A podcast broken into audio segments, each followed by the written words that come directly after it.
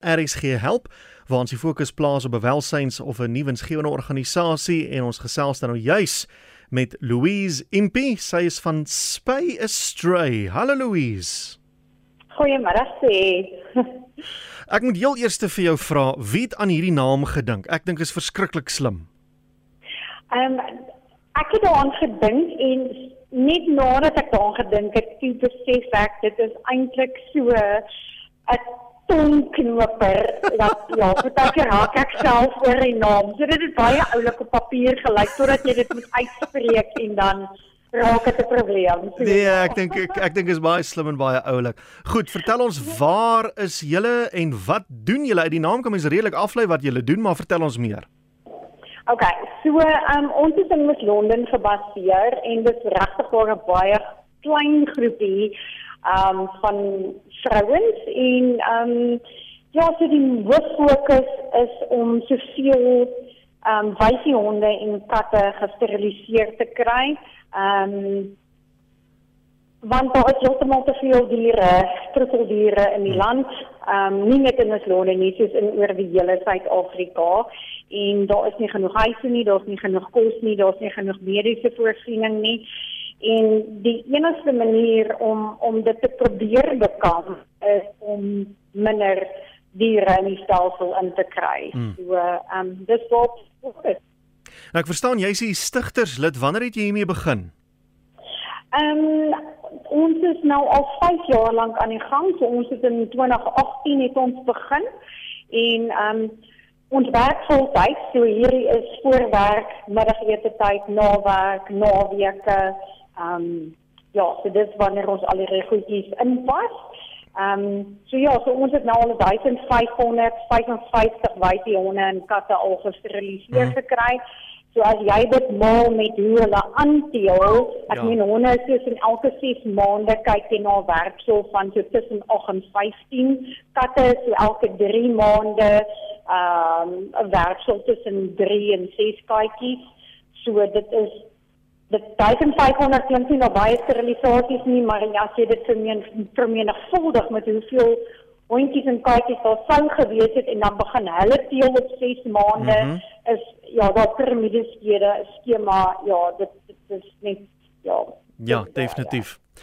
Dis my interessant dat dit klink vir my of jy fokus op die op die vroulike diere. Was dit 'n doelbewuste besluit of hoe dit uitgewerk?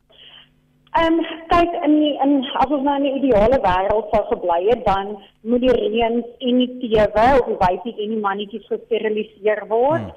Maar sien dit dat dit nooit gaan gebeur nie en dit is natuurlik uh baie gespesialiseer, so niemand anders behalwe Fiat kan dit doen nie. So die koste daaraan verbonde is fraktie. Daar is geen ander woord daarvoor nie.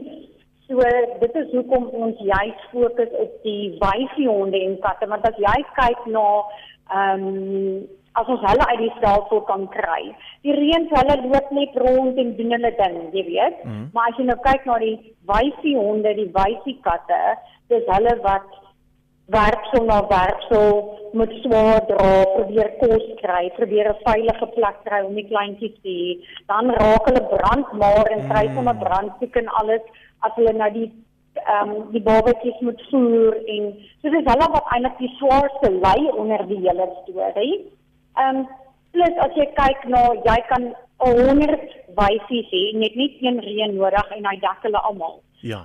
Waar as jy daarom so net van 'n finansiële oogpunt en ook um, om die maksimum impak te maak. Dit is hoekom ons juist op die wyfie honde en katte fokus. Maak baie sin. Hoe werk dit prakties? Vaar julle die strate in met 'n voertuig of twee, uh, vang honde en katte links en regs? Hoe weet julle dat dat daai honde en katte nie aan iemand behoort nie? En hoe weet julle dat die eienaar nie wil hê daai hond en kat moet nog aanteel nie? So ehm um, ons werk basies daar is 'n paar ehm um, ehm um, lokasies in Wes-London wat ons op fokus en dan help ons ook die mense in in in die minder gegoede dele van Wes-London.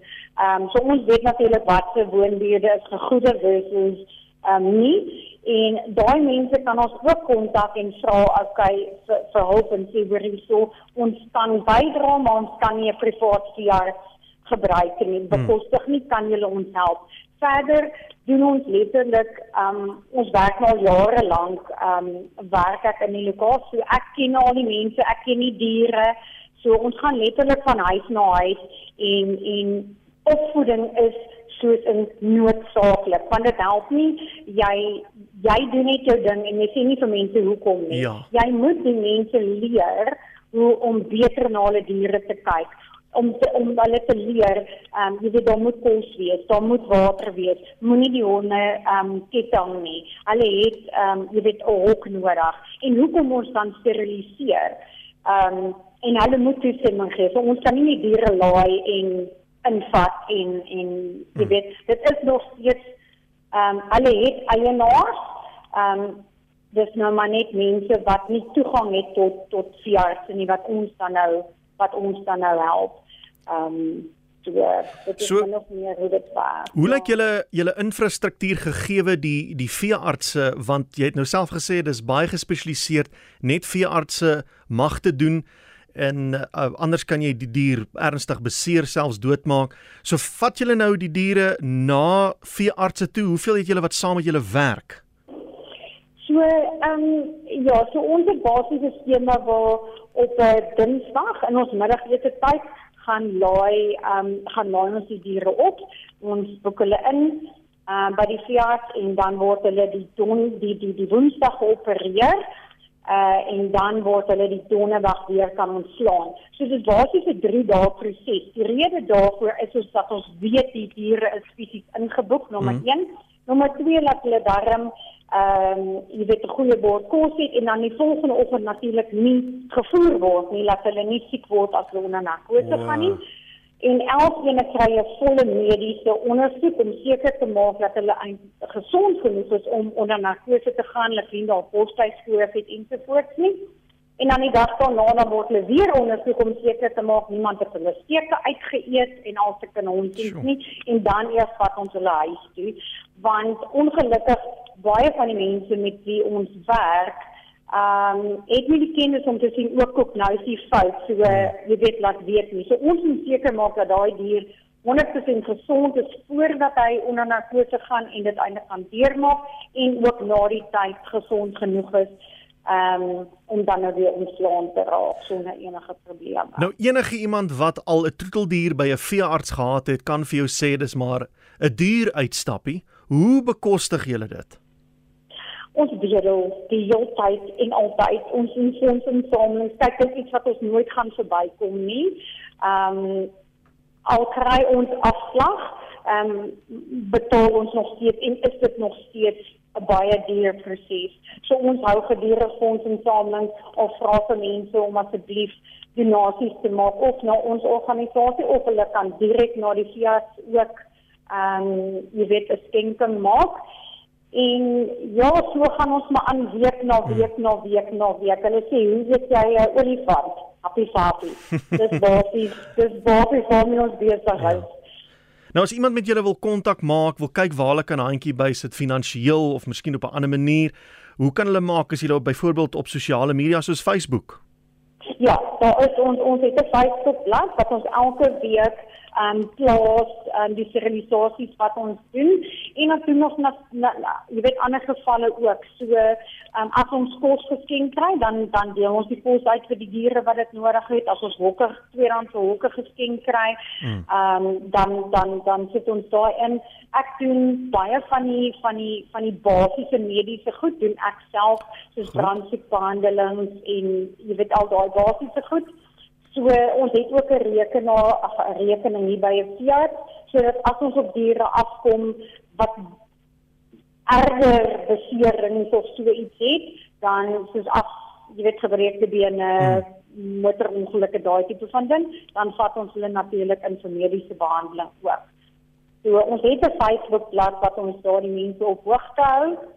Ons kompetisies is daar, ons fondsinsamelings is daar en ehm um, ja, ons bankrekening sowel as die fiatsenis ook daar indien hmm. iemand sou eintlik wou wys. As iemand nou nie Facebook het nie, is daar 'n nommer of iets? Hulle kan my op my selfoon, ehm um, kan hulle vir my WhatsApp. Ehm um, weet nie, gaan jy later die nommer of kan ek maar die nommer? Jy kan hom maar gee, jy kan hom maar gee.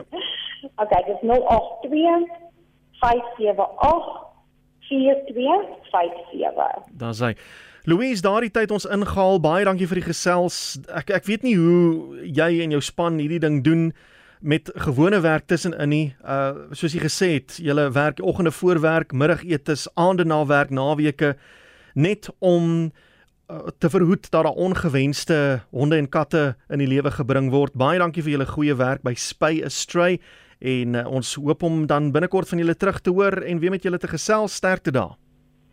Baie dankie vir die geleentheid. Is Louise Impie, stigter van Spy Australia is op Facebook en haar nommer is 082 578 5257